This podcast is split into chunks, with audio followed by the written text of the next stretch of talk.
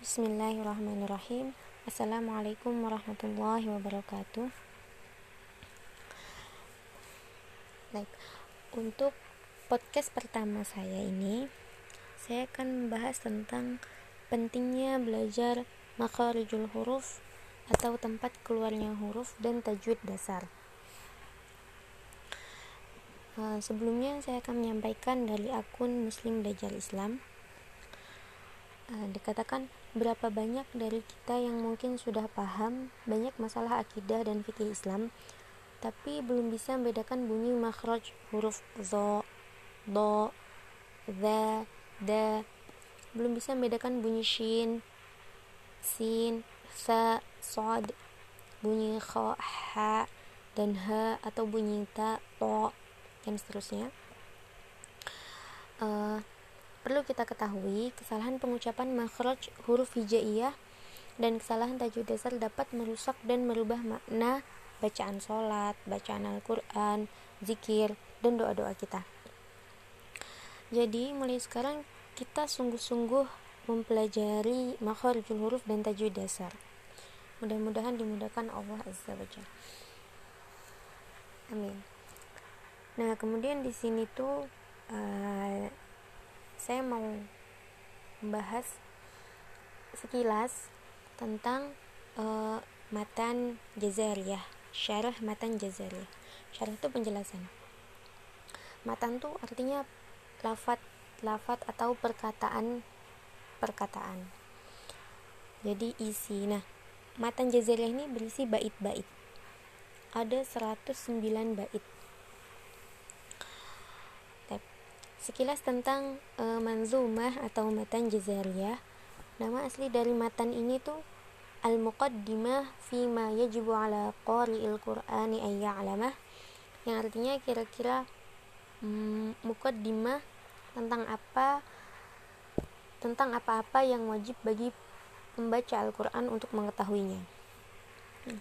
Berkata Syekh Abdul Latif Al-Jazairi tentang matan ini, semua yang kita pelajari dari matan ini ibarat mukaddimah. Seperti mukaddimah di buku-buku pada umumnya. Kemudian penulisnya adalah Imam Ibnu Jazari rahimahullah, seorang imam besar di bidang ilmu tajwid, kiraat dan bidang lainnya. Tapi seperti kita ketahui ya, matan ini tuh matan yang berkaitan erat dengan ilmu tajwid dan ilmu tajwid itu adalah ilmu yang berkaitan erat juga dengan Al-Quran. Ada sebuah kaidah agung dari para ulama. Kemuliaan suatu ilmu berdasarkan kemuliaan apa yang dipelajari dari ilmu itu.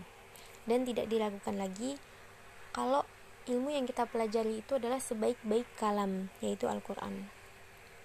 Maka dengan itu, ilmu ini tuh mempunyai kedudukan yang sangat tinggi di dalam agama Islam hmm, terus ya tujuan kita mempelajari ilmu tajwid itu apa? Supaya lisan kita itu terjaga dari kesalahan-kesalahan dalam baca Al-Quran.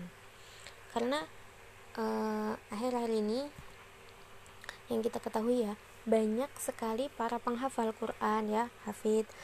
Kemudian imam-imam sholat dari kaum muslimin secara umum uh, banyak yang sudah tidak memperhatikan hukum-hukum dalam membaca Al-Quran Allah alam Nah, jadi di sini hmm, saya ingin mengajak uh, kita semua, mari kita ikhlaskan dan niatkan uh, untuk sungguh-sungguh belajar makharijul huruf dan tajwid. Karena makharijul huruf itu uh, termasuk partikel terkecil dari Al-Quran. Disebutkan kalau